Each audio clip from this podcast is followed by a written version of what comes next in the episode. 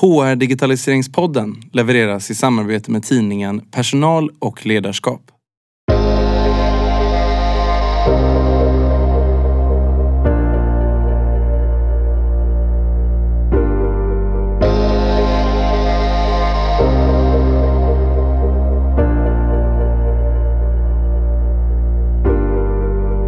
Välkommen till det som är vårsäsongens sista avsnitt.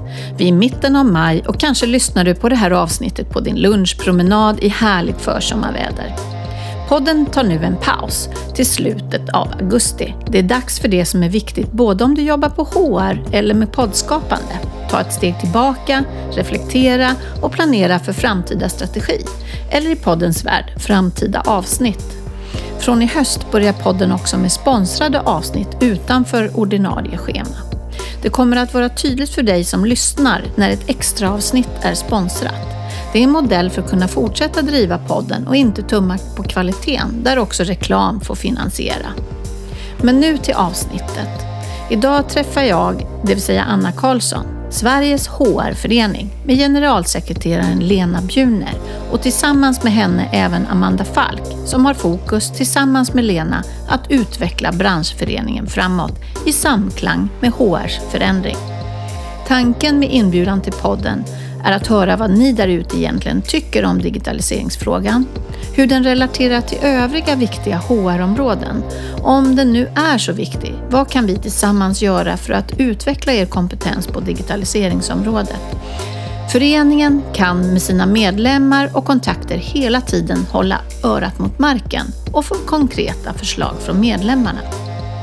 Lena, Amanda och jag diskuterar både hur HR som profession har utvecklats sedan föreningen startade för 101 år sedan och hur behovet av en stark HR-kompetens ökar i varje organisation med behov av mer resurser och muskler eftersom både organisationerna och jobbrollerna blir mer och mer komplexa.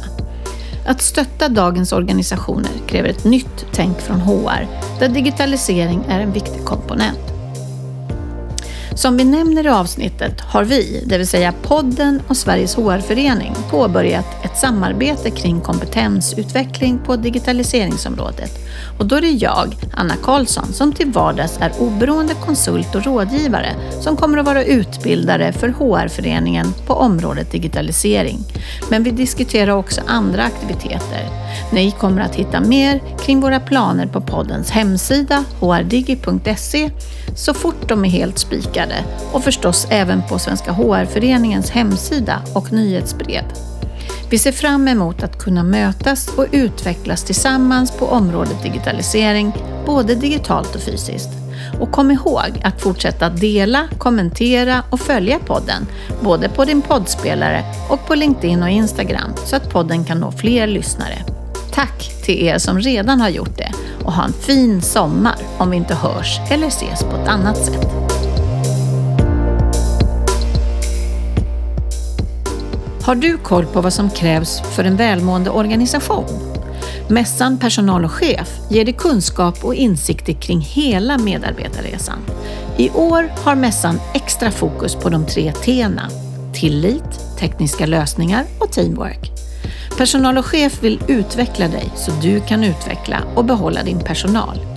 Vi ses på Kistamässan den 28 och 29 september.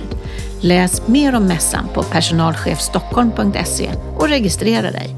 Det är gratis för dig som besökare.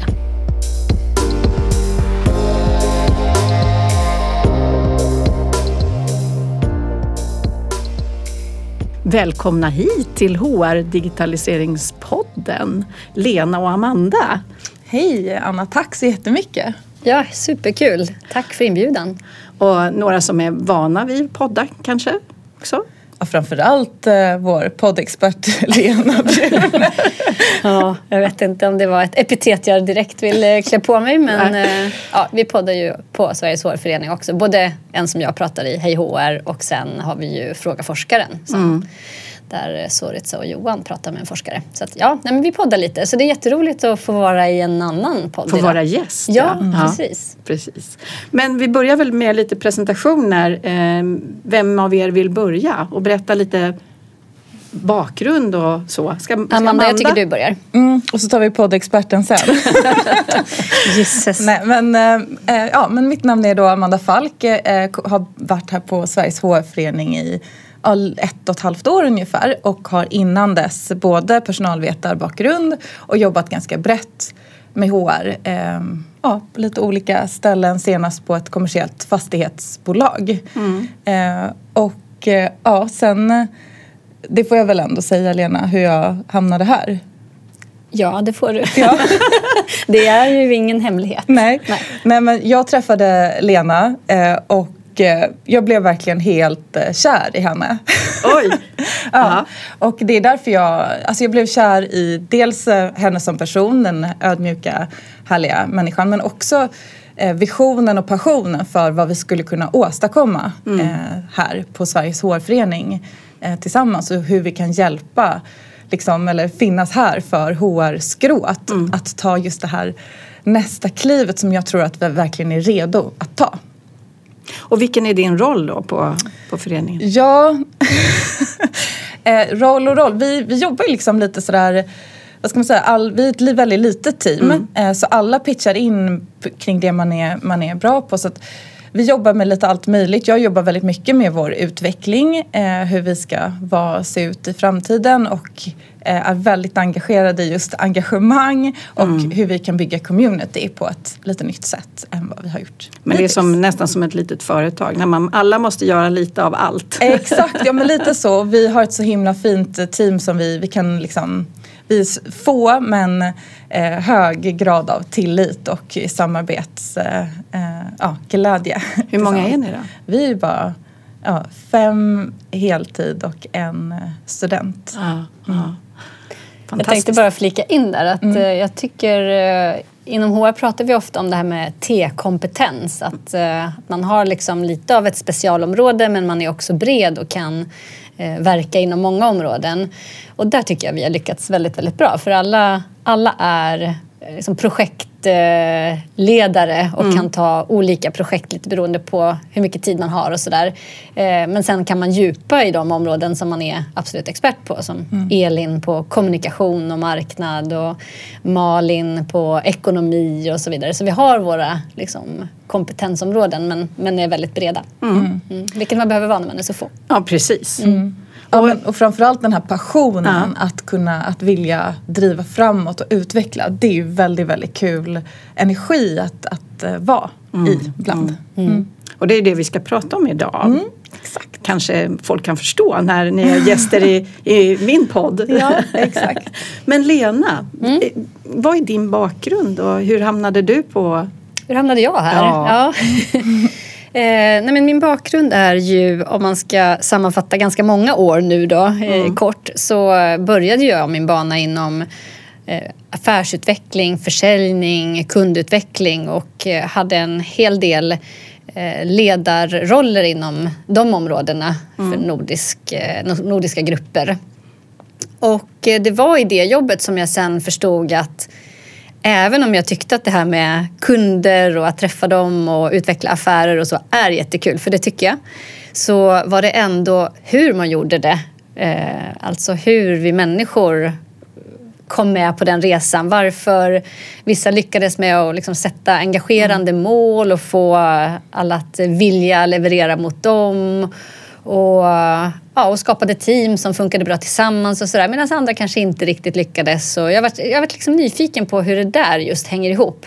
Och kände att det var nog det som var min största drivkraft. Och många kallade mig faktiskt redan på den tiden för Mrs HR. Även när jag Alltså. var på försäljning och kundutveckling. Så jag tror att jag har haft den här lite människointresset med mig. eh, Även om jag inte kommer från det hållet. För jag är inte utbildad inom HR utan jag kommer ju mer från, från eh, andra håll.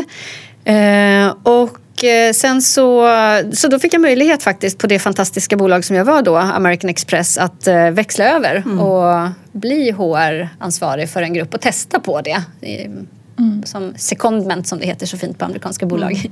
Och det är så intressant för just sådana amerikanska bolag där, där ger de ofta den Ja. möjligheten att man får växla emellan. Så det är ju lite därifrån den världen som jag kommer ifrån också. Just det. Att man ger det möjligheten till dig eller någon annan. Ja, jag ty- ja, otroligt eh, duktig. Nu är det det enda amerikanska bolag jag har arbetat på men, men där var man väldigt duktig på att, eh, att skapa möjligheter och att eh, om någon hade driv och intresse inom ett område att, att liksom öppna upp och, och möjliggöra det. Ja, så då eh, flyttade jag över till HR och eh, sen har jag inte eh, kommit därifrån. Och hur länge sedan var det då? Ja, det här var nog 2007. Ja.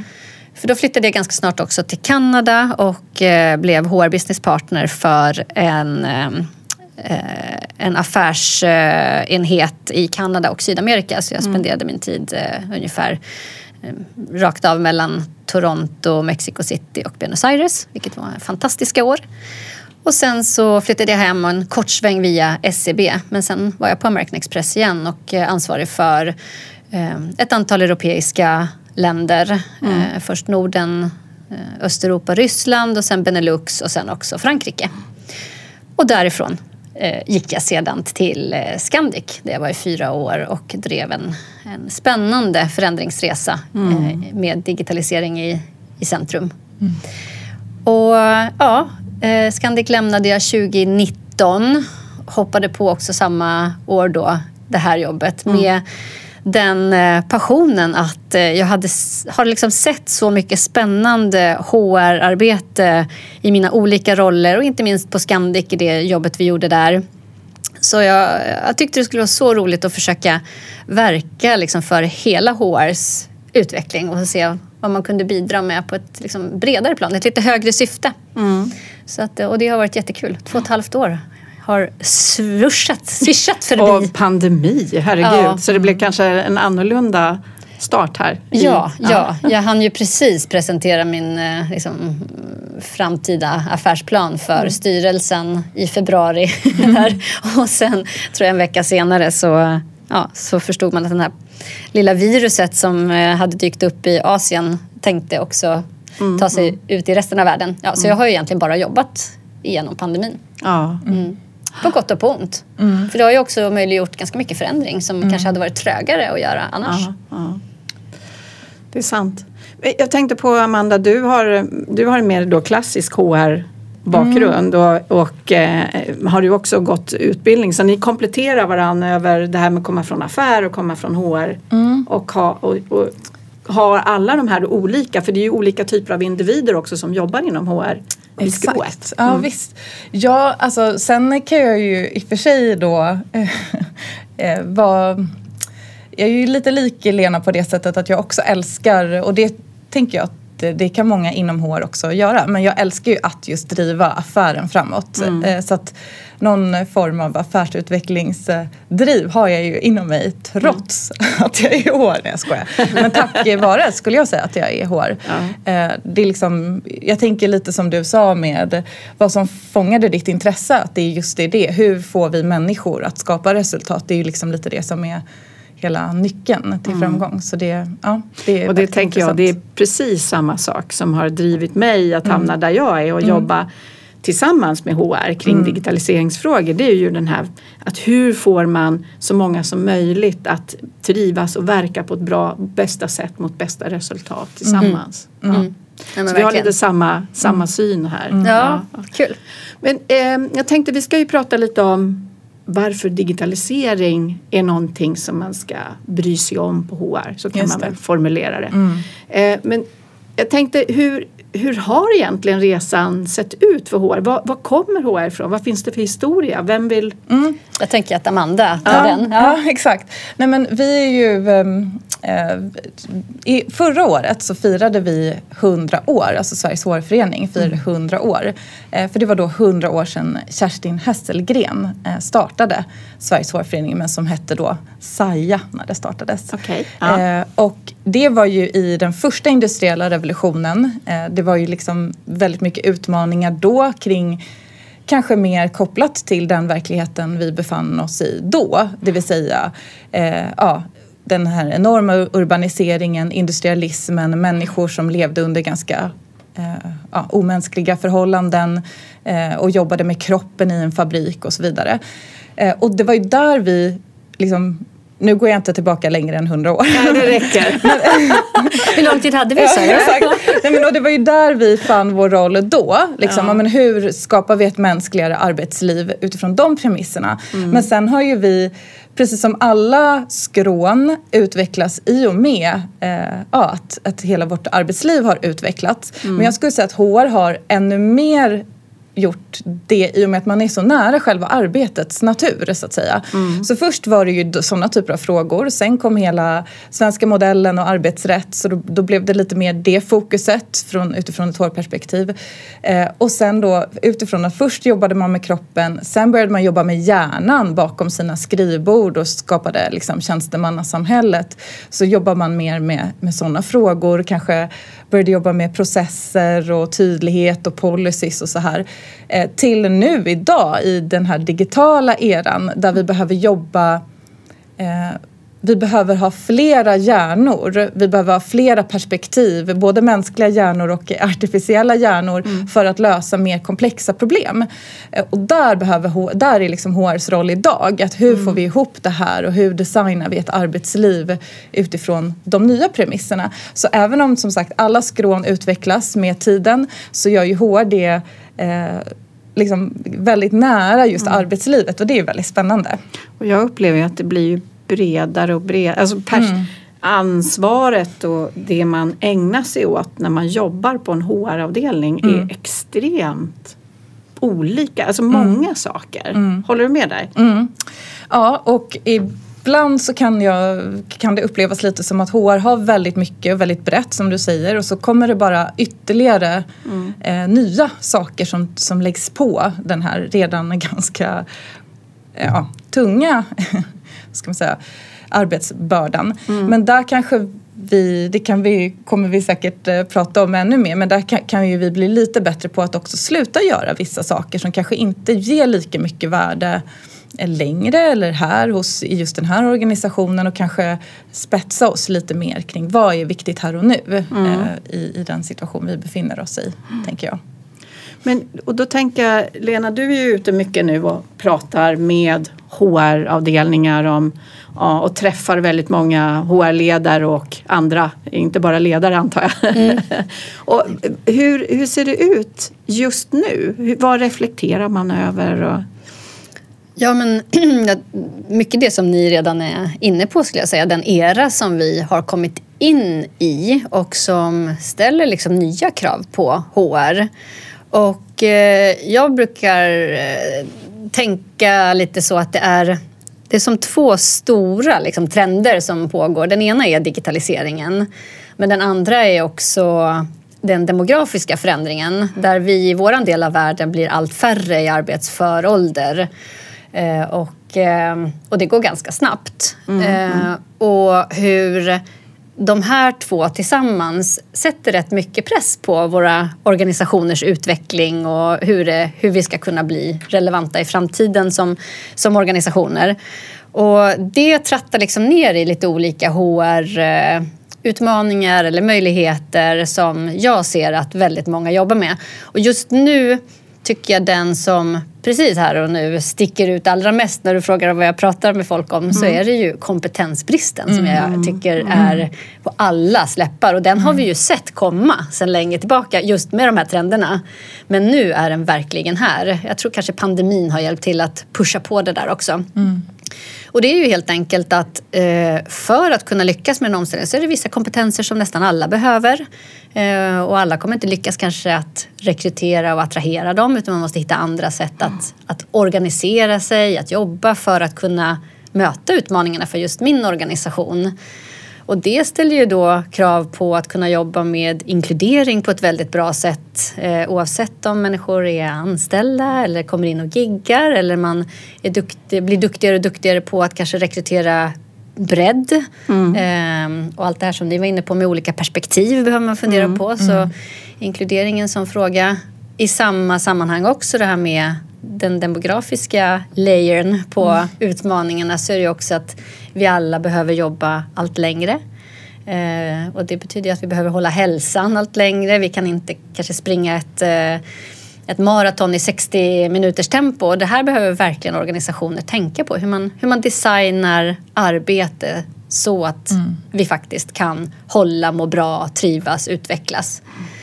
Ja, och inte minst heller om i allt det här, de här utmaningarna och möjligheterna är ju eh, hela den här eh, eh lärandedelen. Att om vi ska få till de här kompetenserna som vi behöver, behöver vi verkligen fundera på vilka medarbetare har vi? Vilka roller kommer att finnas längre fram? Hur kan vi ställa om? Mm, mm.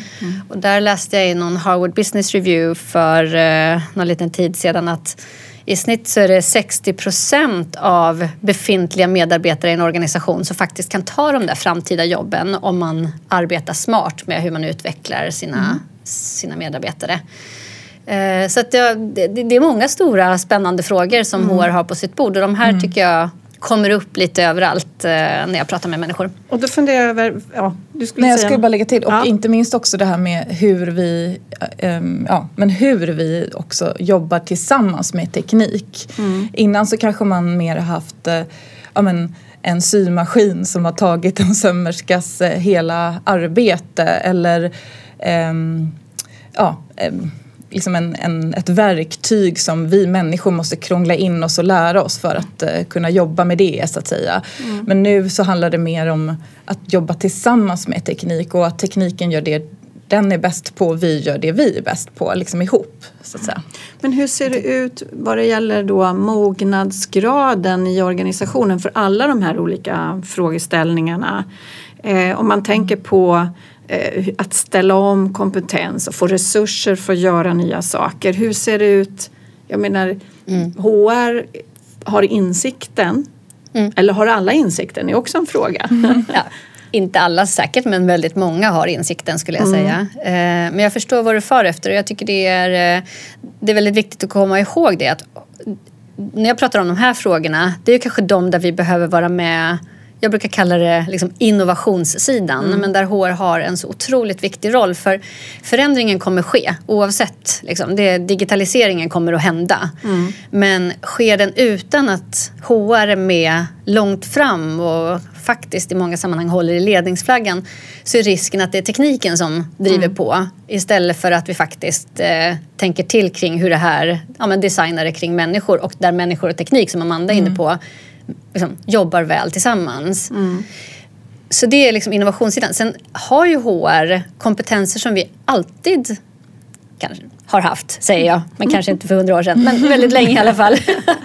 eh, nej, men som handlar om ja, men, eh, kompen-ben-frågor, mm. kanske de här arbetsrättsliga frågorna, kluriga fall vi ska vara med och hjälpa till i organisationer och sådär. Och det finns ju också, men jag tror det som blir viktigt är att tänka på du var inne på det Amanda också, men hur kan vi jobba smartare kring de frågorna? Vad kan vi digitalisera själva som funktion? Vad, vilka vilka mm. områden kan vi, kan vi effektivisera? Så att, så att vi liksom inte lägger så mycket tid på det som är lite mer det, ja, det kanske är mer eh, vad ska man säga, administrativa återkommande. och återkommande. Mm. Och istället lägger till på hur kan vi utveckla de här delarna och hur kan vi utveckla dem i det här innovationsarbetet tillsammans med hela organisationen. Mm. Mm. För att om man tänker på mängd resurser som HR har tillgång till mm. så har jag inte jag i alla fall sett att man har fått en massa mer resurser fast man kanske borde få eftersom mm. det är en sån utmanande ja. situation vi befinner oss i. Precis, det där är också spännande. Jag jag lyssnade på ett eh, poddavsnitt som kommer att komma ut, ja det har nog kommit ut nu när vi, när vi släpper det här, men eh, med Stefan Tengblad. Eh, mm. Han gästar Fråga forskarpodden och pratar om den här Cranet-undersökningen som har gjorts med 40 länder tror jag, där Sverige är ett av dem, en HR-professionsundersökning. Mm. Och den visar precis det, att eh, vi är få inom HR mm. och vi är i Sverige färre inom HR än i andra länder. Det kan dock bero på att vi outsourcar lite mer än vad andra gör. Det gick liksom inte att se i den studien.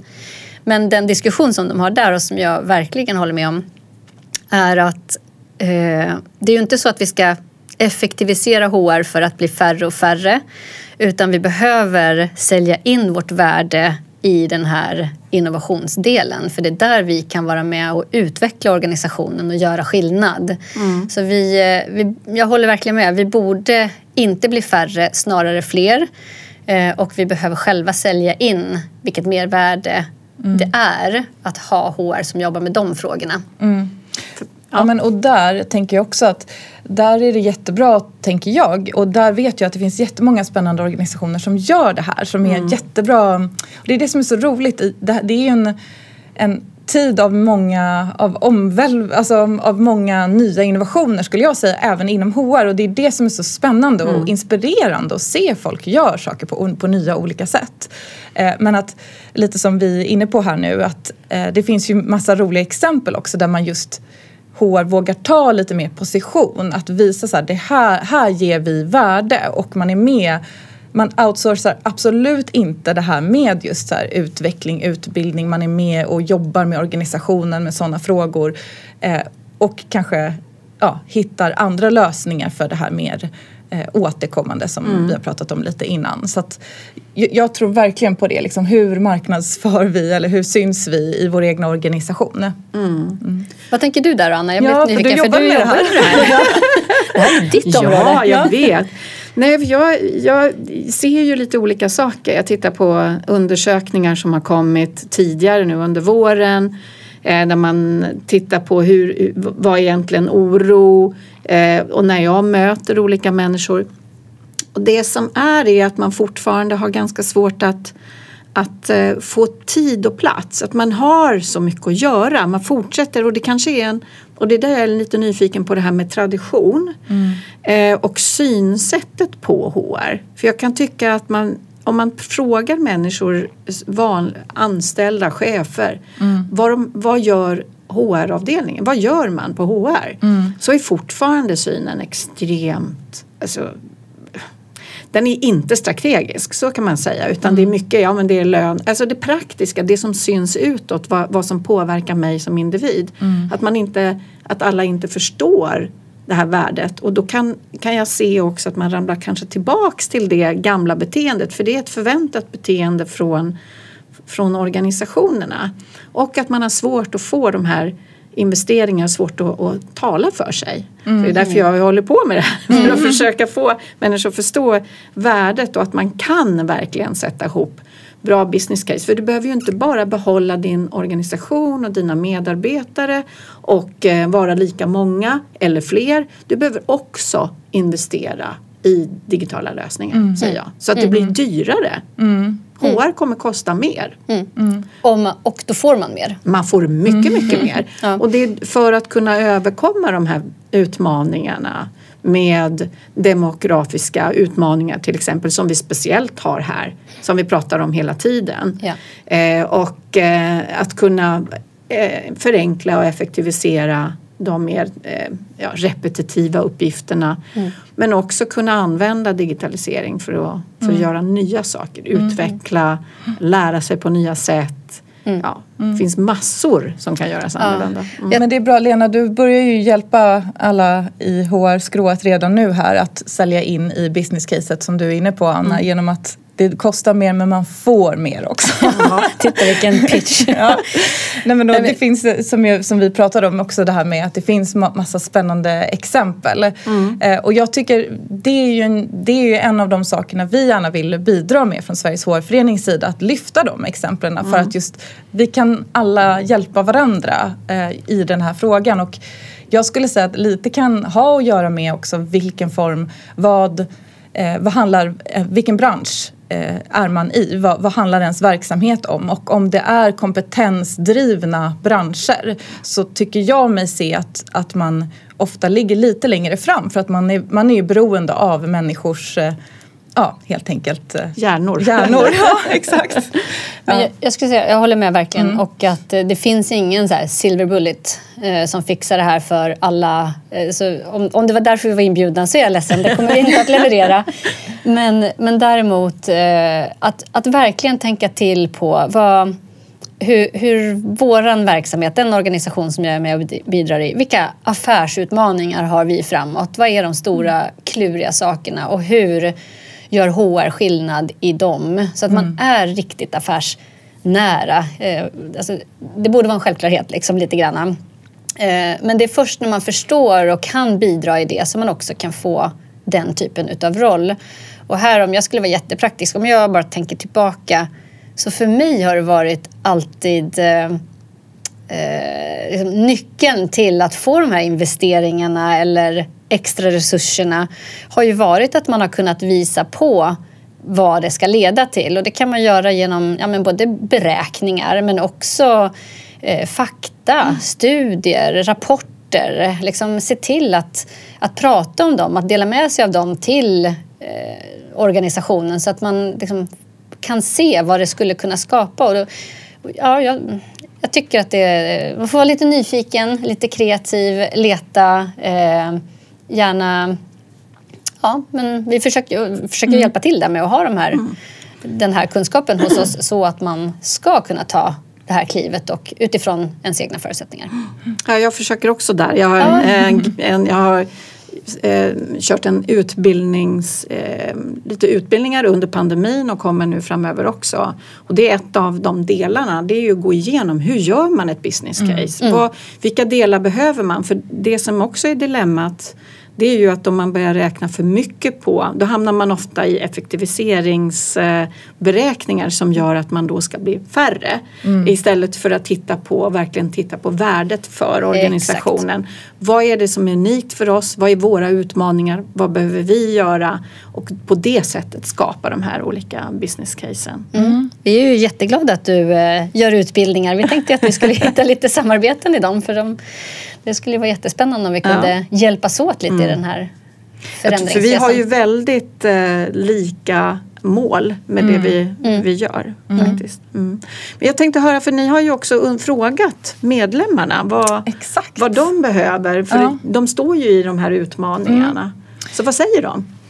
Ja men som vi pratade om eh, här inledningsvis så jobbar ju vi också lite under huven har vi gjort hittills eh, och med vår egen utveckling, alltså Sveriges HR-förenings framtid? Hur är vi relevanta för alla våra medlemmar och alla våra blivande medlemmar inom ja. HR? Eh, och det har vi gjort eh, Förra året var det ju mer, alltså vi tog ett strategiskt eh, nytt grepp helt enkelt och tittade framåt. Hur, hur ser, lite det Lena har pratat om, hur ser vår omvärldssituation ut? Hur kan vi eh, strategiplanera eller liksom eh, scenarioplanera ut efter det? Hur kan framtiden se ut? Och även tittat, ja men hur, hur, vad har hänt i världen av communities? För det är ju någonstans ändå det vi är, ett stort nätverk eller community eh, inom HR, people management, arbetslivsfrågor. Mm. Eh, och det har ju vi ägnat mycket större delen av förra året eh, med eller kring. Eh, och för i år då så vill vi ta allt det vi har jobbat med och ställa, som du säger nu, eh, frågor till alla våra medlemmar. Ja, men, vad sitter ni med? Eh, vad, vilka prioriteringar har ni? Vilka utmaningar har ni? Vilka intressen har ni? Vad vill ni ha mer utav eh, oss? Eh, och det vi ser, dels nu det vi, där vi har ställt och lite i tidigare sammanhang där vi också har frågat våra medlemmar om just prioriteringar och eh, områden. Det är det vi har pratat om idag. Det är det mm. som är så intressant att det är digitaliseringen eh, mm. man sitter med och prioriterar och jobbar med. Eh, och kopplat till den skulle jag säga att jag, jag tycker mig se ett, en koppling mellan de områdena som dyker upp. Så är det såklart kulturledarskap, lärande, eh, Ja, och sen olika andra omställning i olika former, organisationsdesign och såklart hälsa och välmående, hur vi mår bra i allt där, mm. i, i det här höga tempot. Det är de här områdena som kommer upp gång på gång på gång på gång. Mm. Mm. Och, hur, eh, och hur tänker ni då att ni ska kunna hjälpa medlemmarna mm. med, med det här? Just det.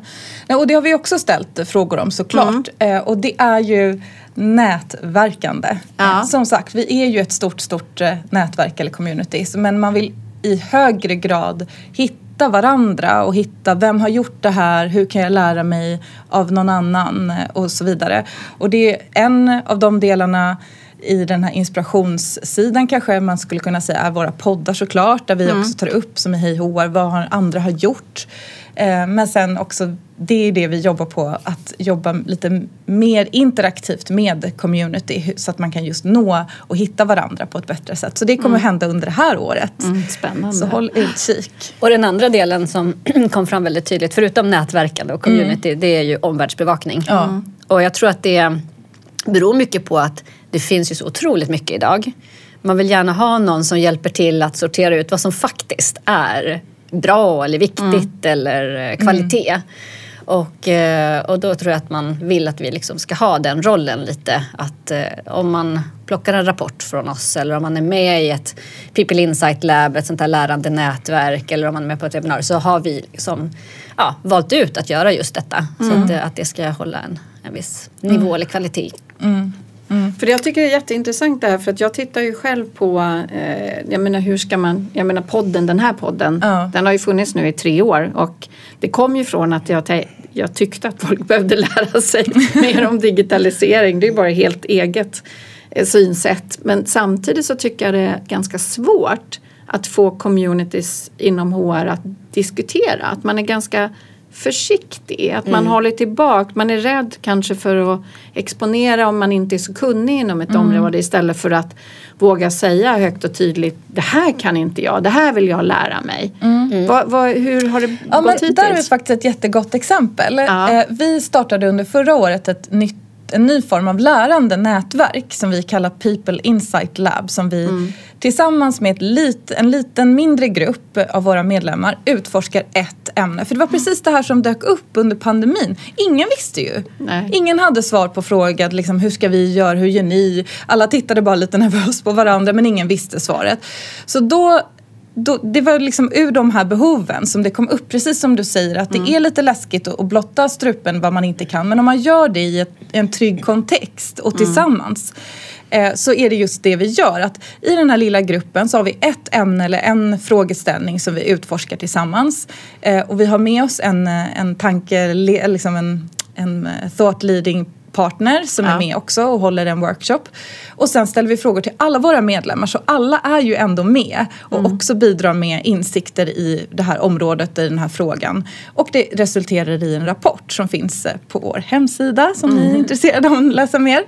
Ehm, och det här är ju just för, precis som du säger, det vi, självklart ska vi ta avstamp i evidens, i forskning. Men det vi inte vet, det kommer dyka upp ännu mer och ännu snabbare saker vi inte vet. Det ska vi såklart utforska tillsammans i en trygg kontext som vi hjälps åt att hitta svar och lösningar. Och vad är skillnaden mellan att göra det på det sättet och göra det som utbildning eh, i utbildningsformen? Nej men precis och det är inte jättestor skillnad. Nej, jag tänker och, att det inte och, och är det. Är där, Och det är där vi också eh, ja, ska ha ett, ett framtida samarbete med, med dig Anna. Ja, precis. För det har ju också dykt upp behovet av eh, liksom, kanske lite nya former av utbildningar som inte är kanske superlånga men som är just ett ämne som det här brinner hos mig, det här vet inte jag. Jag behöver en, en eh, ja men inte bara trygg men trovärdig och trygg eh, liksom, kunskapsinhämtning tillsammans med andra för att få svar helt enkelt på de här frågorna. Så därför så har ju vi eh, jättekul en framtida utbildning med dig just för att Just för att vi vet att digitalisering som, jag, som vi har nämnt nu flera gånger är ett sånt brinnande eh, Precis. jag ska bara, nu känner jag här som en liten lärare i skolan. Jag skulle säga att den stora skillnaden är att när vi kör utbildningar då, då liksom tar vi in någon som håller i utbildningen som är expert på området, som guidar igenom och som, eh, som liksom lär ut det man kan. Och sen är det ju såklart diskussioner och lärande i det. Medan People Insight Lab, det faciliterar vi mer. Det är liksom de som är med i nätverket, det är deras liksom, kunskap och insikter som vi bygger det på. Och sen såklart med den här, eh, den här eh, sortleadern som, som är med och, och eh, kommer med med deras insikter. Men det är, det är mer av ett, eh, ett workshoppande och gemensamt liksom lärande utan att det är någon som lär ut egentligen skulle jag säga. Ja, det är ett bra förtydligande. Och det är väl kanske lite vilka olika faser man är i, vad man eh, behöver. Exakt, och, vad man, ja, och hur man själv lär sig bäst. För jag tycker det skulle vara intressant. Nu har ju vi pratat om, att, eh, om den här utbildningen som vi håller på att forma i, som egentligen är, handlar om att kunna ta sig lite snabbt framåt, några olika steg. Men det finns ju väldigt mycket att utforska också så vi kanske får diskutera andra saker Absolut. utöver. Och om jag ger en liten eh, till de som lyssnar så just nu så jag funderar jättemycket utifrån våra diskussioner men också utifrån utbildningen som jag har hållit. Vad, vilka utbildningar behövs? Och vilka samarbeten? För jag får ju också fråga, men kan vi, inte, kan vi ha något community och, och diskutera i när man har kommit ett steg längre till exempel. Så det finns många olika nivåer och behov av utbildning. Just det. Verkligen. Men vad har ni för mer för utbildningsplaner? För jag tror ni har lite andra saker på gång. Är det något ni vill dela med er av? Nej men just det här, alltså digitalisering är så himla brett och stort, eh, nästan ibland kanske känns övermäktigt eh, område, ämne, om man, beroende på hur långt man har kommit i sin organisation. Så eh, du Anna är ju fantastisk och, och ska liksom hjälpa till i det här i delen av utbildningen som handlar just om hur tar vi HR-professionen liksom digitalisering till nästa nivå. Men så tittar vi ju samtidigt också på men hur kan HR vara med och driva verksamhetens digitalisering eh, utifrån ett, liksom, vår kompetens och, och sådär. Och där har vi också en utbildning som vi utvecklar eh, parallellt här. Så vi ska liksom ta båda de här delarna eh, Och Och perspektiven. sen tänkte vi testa det lite, just också det upplägget som vi har gjort på utbildning då, att man har 90 minuter gånger tre digitalt, så man kan vara med egentligen var som helst eh, stans ifrån. Det varit en konstig svenska på det, men... eh, och, eh, och lite samma som vi hade för en utbildning som vi hade tidigare som hette eh, AI plus HR är lika med sant, eller tidigare, vi ska ha den igen också, men just nu har den lite paus.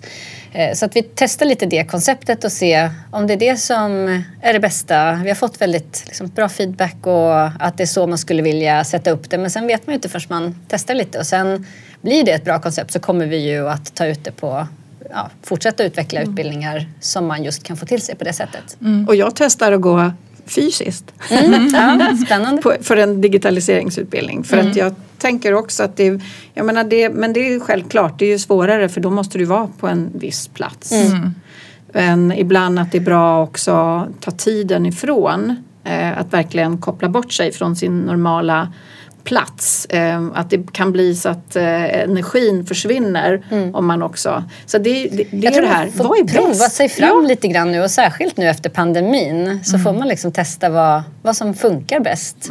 För oss är det ju viktigt med att det, det liksom absolut mesta vi gör från i alla fall vårt centrala team här, det ska ju kunna nå alla inom, eh, inom våran eh, community. Och vi finns ju i fem regioner runt om i landet. Så att Därför försöker vi jobba mycket digitalt. Och det hade vi faktiskt i vår affärsplan redan innan pandemin slog till. Men det var ju en av de sakerna som fick en skjuts och blev kanske lättare än vad det annars hade varit. Men så att vi vill ju kunna nå HR var man än sitter. Men sen våra respektive regioner, de gör ju fysiska träffar också och ser hur det, hur det funkar nu efter pandemin. Det, jag, det är jättespännande tycker jag, både på våra arbetsplatser och se man hör så mycket om hur man testar olika modeller nu för flexibilitet och, och sådär. Men ingen vet ju, tillbaka till det igen, exakt hur det här ska funka framåt. Och inte heller här finns det ju one size fits all utan det är ju att både utifrån sin verksamhet och sin kultur och allting hitta bästa sättet Ja, att men arbeta. jag, jag älskar ju det, det här. Alltså att vi inte vet och att man vågar ta det här lilla, lilla, lilla steget tillbaka och tänka vad är syftet med just den här delen? Ja, men som, eh, ja, men vi själva då som sagt vi är ett väldigt litet team men vi skulle sitta och, och jobba fram lite mer konkret med vår strategi och sätta OKRs och så vidare kring hur vi ska utvecklas framåt. Och då åkte vi eh, till eh, mitt lilla torp i skogen och kopplade helt bort oss från våra skärmar just för att men nu ska vi jobba tillsammans och använda, kanske byta perspektiv lite grann, få lite skog, få lite sjö och det är ju Eh, Det är ju jättebra för det syftet. Att vi vågar tänka lite så. Vad är syftet och vad passar det liksom, när man ska uppnå det helt enkelt. Och däremellan kör vi de här snabba eh, Trello-mötena måndag, onsdag, fredag. Liksom. Men så, Med sprint. Så. med sprint. Så, Ja. precis. så att det gäller att ja, hitta sitt arbetssätt. Ja.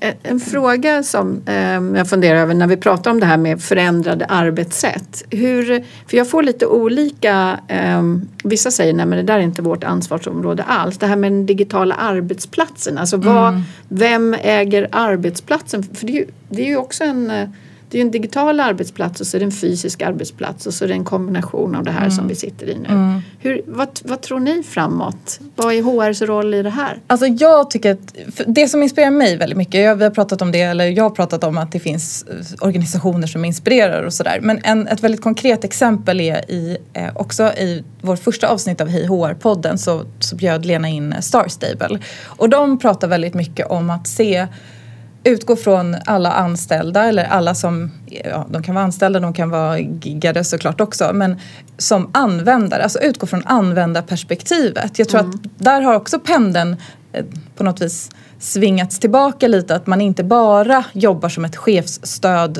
endast eh, klart slut, utan man också tänker utifrån liksom alla användare, medarbetare och så vidare. Till och med hela vägen till kund tänker jag, liksom, för det är ju det som är hela syftet med eh, verksamheten. Men att man utgår från användarperspektivet och designar arbetet därefter. Och det är ju självklart digitalt också. Alltså det är det i, på alla våra arbetsplatser. Så liksom, ja, Jag tänkte också på, nu är jag på Harvard Business Reviews igen, men det kom ju en, eh, vad kan det vara, ett, ett och ett halvt år sedan kanske nu till och med, eh, den här eh, eh, hur många HR jobs for the future? Eh, 21. 21 HR jobs for the future, precis så var det. Och eh, där var det ju väldigt tydligt i hur de analyserade liksom, HRs roll. Där just det som du är inne på Amanda, att eh, det är ju liksom människoperspektivet i centrum och hälsoperspektivet i centrum och sen så tar man ansvar för dem oavsett liksom om var arbetet görs eller hur det görs eller sådär. Och Man behöver kanske ha specialkompetenser lite inom vissa områden för att lyckas med det i vissa mer komplexa organisationer. Återigen, det är väldigt olika.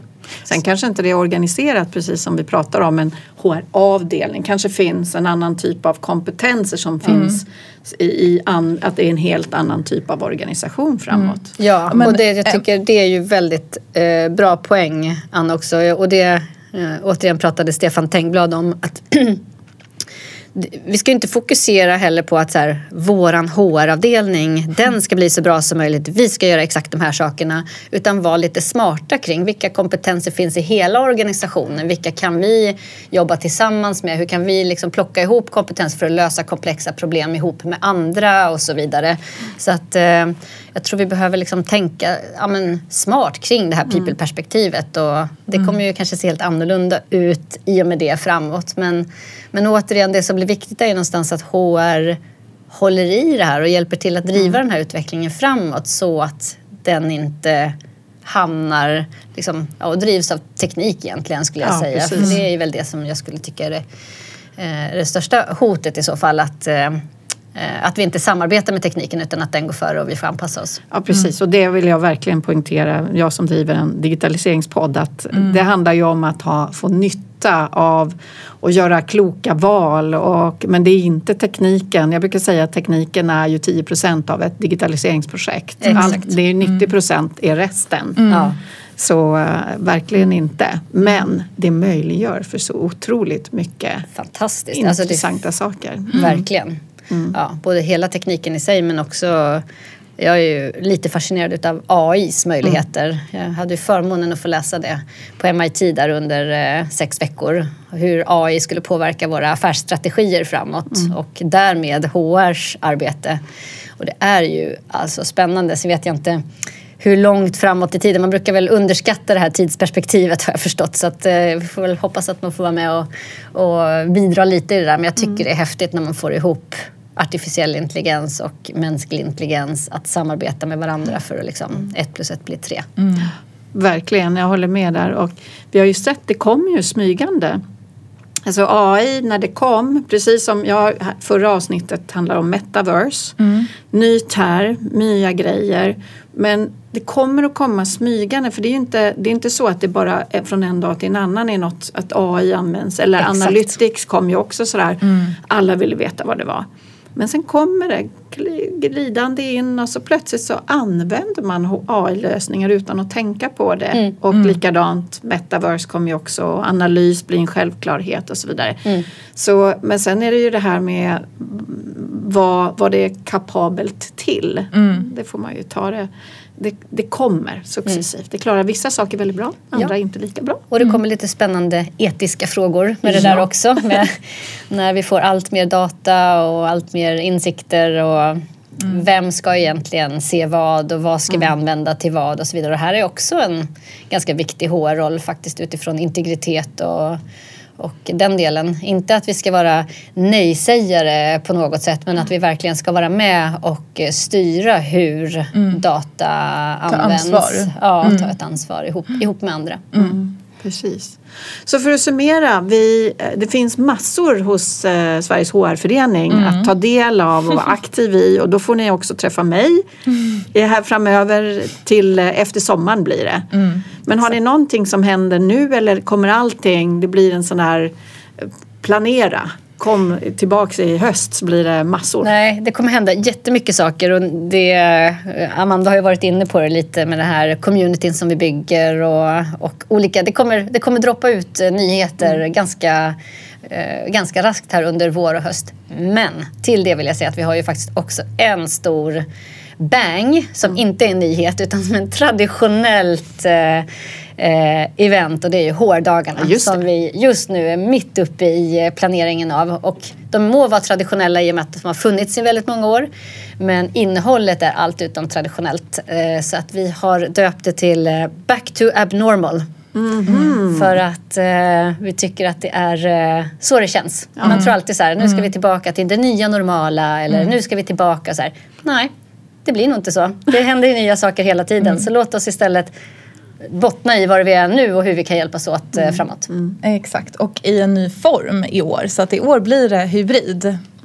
Så det är också kul att det blir både digitalt eh, båda dagarna men första dagen även kan man vara här på plats på Epicenter där vi Där sitter också, nu. Precis, där vi också spelar in och råkar sitta tillsammans. Jättekul. Ja, det var jätteroligt tycker jag. När du plötsligt kom fram till oss en dag och sa hej, är ni här nu? Ja, det var ju vi som var nyinflyttade och du fanns här. Så det är jätteroligt. Och det var precis det vi hoppades med, att komma till ett ställe där det sitter mycket nystart och många som eh, eh, Ja, men som bygger sina verksamheter och sådär. Där vi kan få energi från andra när vi är ett litet team och som vill förstå många frågor. Så att det var jätteroligt att vi fick kontakt den vägen. Och Exakt. eventet är här just precis. Ja, och det är här. plats. Ja, för här känns ju som en, ett ställe där eh, idéer och utveckling kokar på något sätt. Det är väldigt, väldigt roligt ställe att vara på. Så alla som lyssnar, Ja. eh, håll ögonen öppna och tä- tänker att de ska vara medlemmar i föreningen för det ger massor med fördelar.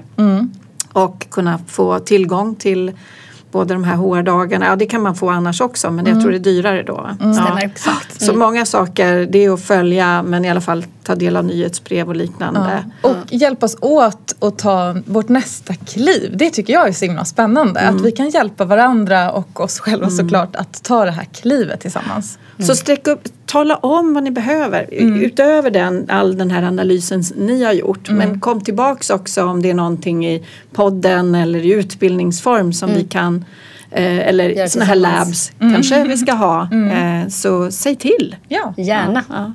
Och ni som lyssnar, hör gärna av er. Ja, både till dig Anna såklart, men det, dig hittar de väl sen tidigare tänker jag.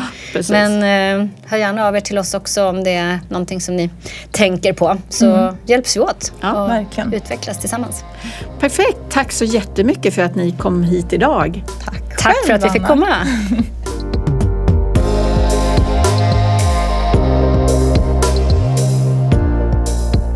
Tack för att just du har lyssnat.